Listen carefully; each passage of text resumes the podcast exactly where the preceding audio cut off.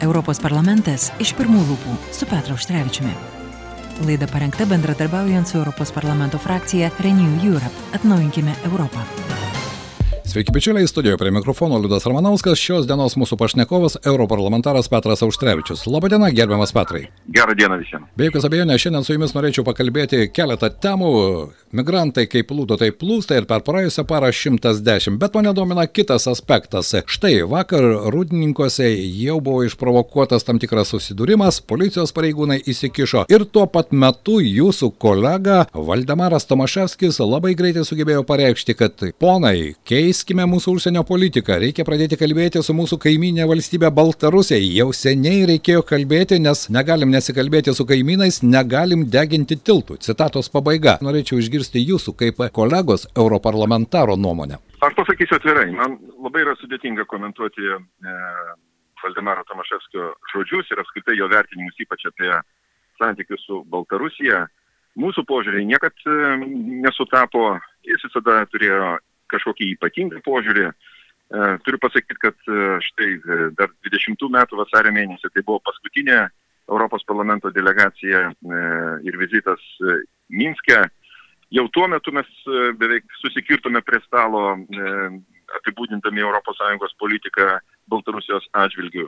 Jis turėjo visada savo požiūrį, kuo jisai remiasi, tiesą sakant, aš net nelabai ir galiu paaiškinti, jisai kalba apie kažkokį tai dialogą, bet koks tai gali būti dialogas, kada pačios valstybės piliečiai, e, tegul jisai pasikalba su Svetlana Cichanovska ir jam puikiai paaiškins, kas vyksta toje Baltarusijoje. Nereikia turėti jokių iliuzijų ir kažkokių tai iškreiptų vaizdų, kad gali perkalbėti diktatorių. Diktatorius bando perkalbėti kitus, o ne jį. Tai kitaip tariant, e, aš turiu atsiprašyti visų, e, kurie, e, kuriems galbūt liko neaišku po Tomaševskio paaiškinimo, bet turiu tuo pačiu ir pasakyti, kad jis neatstovauja oficialios Europos parlamento delegacijos su Baltarusija nuomonės.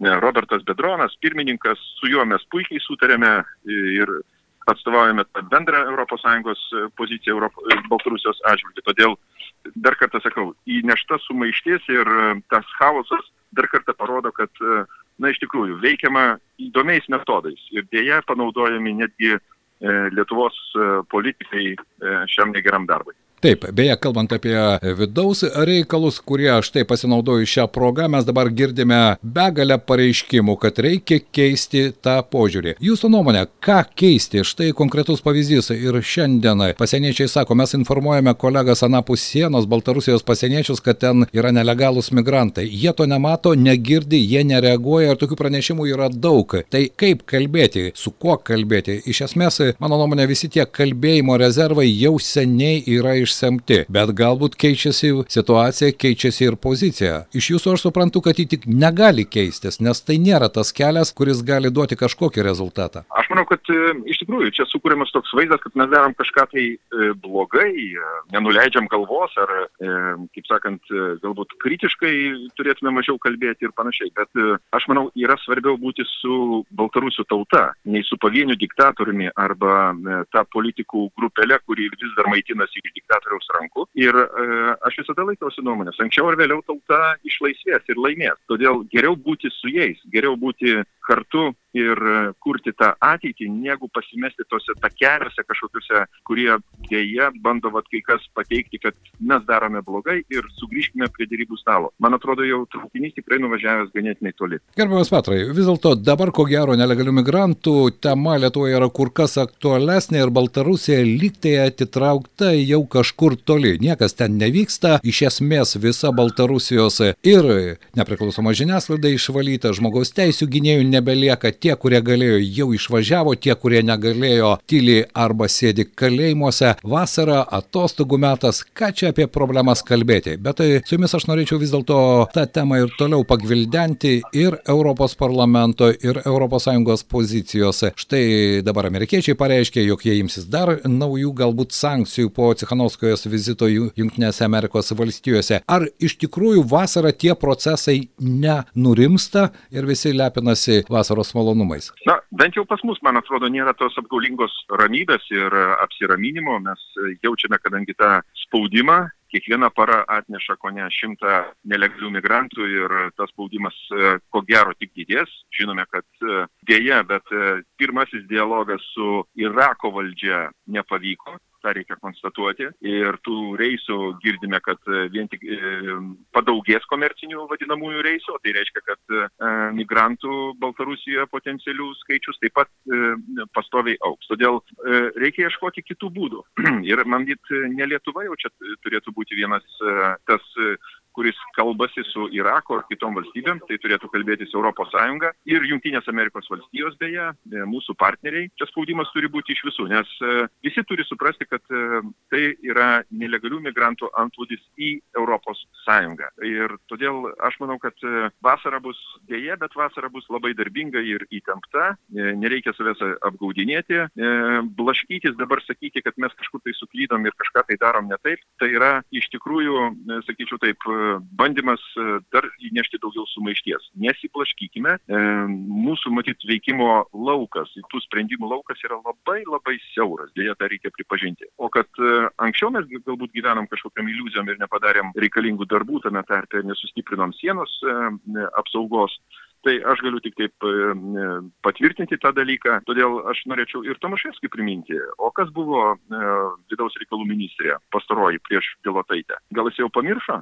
O ką jinai padarė šitoje srityje? Todėl, žinot, kritikuoti tušiai ir iš, ir iš tokio siauro požiūrio yra lengva, bet galbūt e, siūlykime konkrečius sprendimus, o ne vien tik tai sakykime, kad reikia kažkokio tai atsipilo dialogo. Dar vienas klausimas. Kaip vis dėlto į tą dialogą, kalbėjimą tiek su Turkija, tiek su Iraku įtraukti ir ES? Nors oficialiai ES deklaruoja taip, tai visos ES problema, migrantai, tai nėra vien tik tai Lietuvos problema, kai kurios valstybės jau teikia ir humanitarinę pagalbą, ir siunčia įvairius reikmenis, kurie reikalingi migrantams apgyvendinti įgyvendinti, bet kažkokių politinių svertų Lietuva iš esmės neturi. Na, mes puikiai suprantame, esame per daug maži ir per daug e, negalime kažką pakeisti. ES ir Irako dėrybos, tai jau gali būti kitas ligmuo. Jūsų nuomonė, kodėl jos dar neprasideda ir kodėl tie procesai arba mes nežinome, kad jie vyksta? Matote, visų pirma, Irakas yra sunkiai valdoma valstybė. E, yra, sakyčiau, tokios žlungančios valstybės e, beveik lygmenyje. Turkija yra kas kita e, ir su Turkija matyt e, taip pat mums reikia kalbėtis ne iš e, didelė, didelė valstybė su maža ar, ar, ar atvirkščiai, mes turime kalbėti iš ES pozicijų. Žinome, kad ir Graikijai buvo sunku kalbėtis vienu metu su Turkija, kada Turkija bandė štai irgi taip pat atidaryti vartus tariamai migrantams ir pasiūsti į Graikijos salas didelės, didelės migrantų grupės.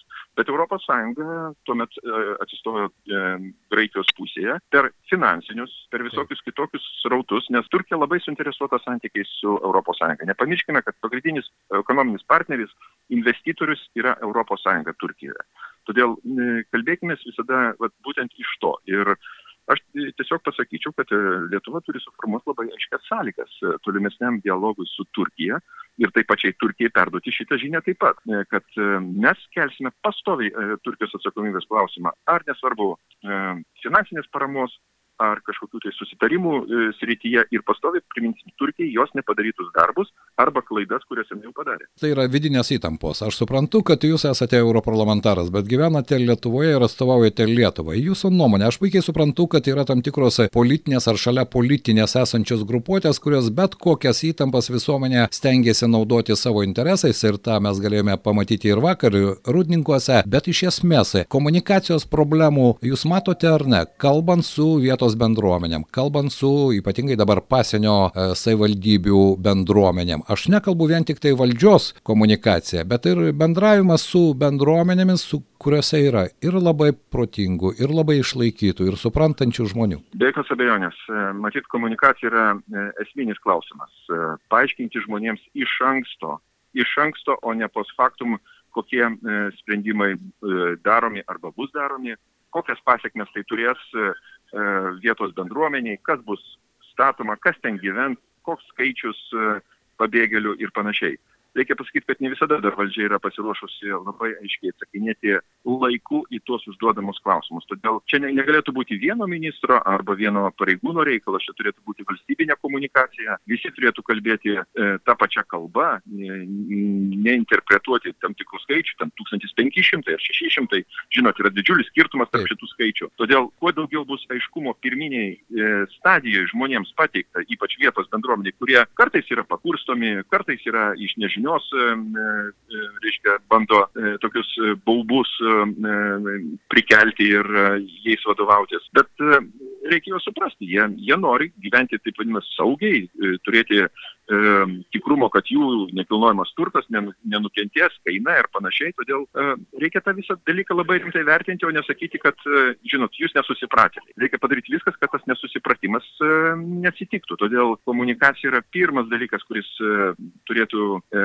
sekti paskui bet kokius e, sprendimus. Beje, prisiminkime netokius e, senus 5-6 metų senumo įvykius, ar ne, tą milžinišką migrantų srautą, kuris plūstelėjo į Europą. Vien tik tai Vokietija priėmė milijoną milijoną. Šiandien praktiškai kiekvieną mėnesį į tą pačią Italiją apie 14-17 tūkstančių migrantų atkeliauja tiek iš rytų, tiek iš Šiaurės Afrikos. Kiekvieną dieną pranešimuose yra žuvusių ir štai ir šios dienos pranešimuose 82 žmonės nuskendo laivų keliaudami iš Šiaurės Afrikos. Iš esmės ES tada įrodė tiesą irgi labai lietokai, bet jis sugeba susitvarkyti su migrantų problema. Jūsų nuomonė, pavyks mums tai padaryti? Aš ko gero nesu nesu naivus ir nekalbu taip, kai kalba kai kurie dabar ir vietos politikai, kad čia nieko nereikia, reikia viską uždaryti, mes užsidarysime, gyvensime ramiai saugiai. Pasaulis toks nėra, jis nėra saugus, ramus ir aplinkinės valstybės nėra irgi pukuoti meškiukai. Be jokios abejonės. Ir,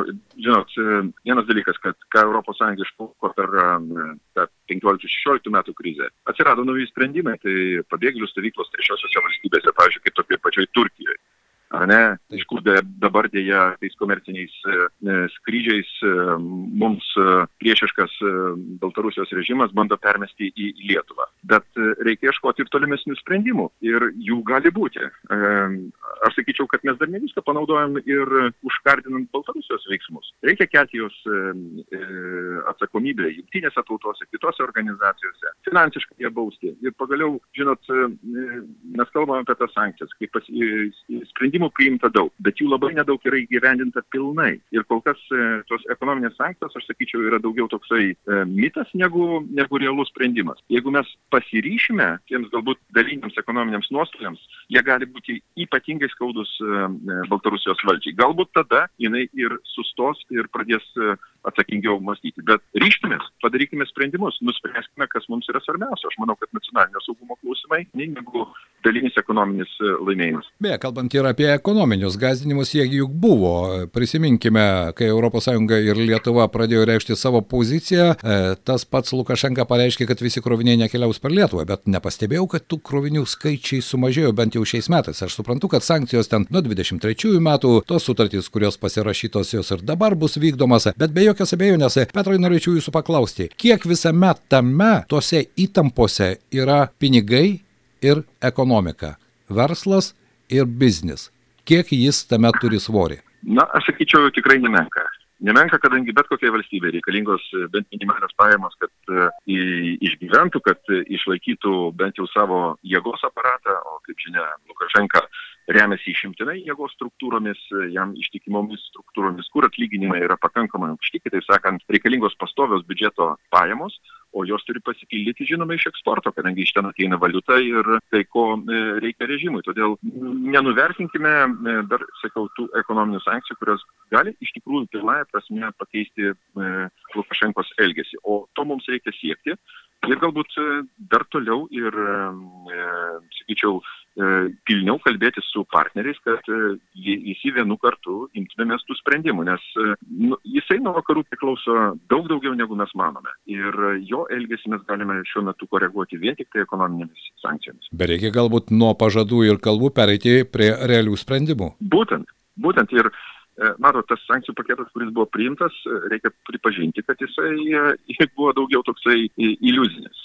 Galiu daug pavyzdžių pasakyti, bet jis iš esmės apėjo visus tos jautriuosius produktus nuo arba prekes eksportuojamas nuo kurio režimas priklauso visuotinai. Tai daugiau buvo deklaracija, ko gero, tokiu būdu, ar ne? Parodant kryptį, Paga bet iki galo... Aš sakyčiau, tai pagazinimas, kas gali atsitikti, bet, ne, bet neįgyvendintas e, pagazinimas iki galo. Kągi, tikėkime, kad ateis laikas ir jis bus įgyvendintas. Mūsų pašnekovas šiandien buvo europarlamentaras Petras Auštrevičius. Ačiū Jums už Jūsų nuomonę ir už tą mintį, kad iš esmės ir kalbėjimas turi būti viena kryptimi. Dėkui Jums. Ačiū. Europos parlamentas iš pirmų lūpų su Petru Auštrevičiumi. Laida parengta bendradarbiaujant su Europos parlamento frakcija Renew Europe. Atnaujinkime Europą.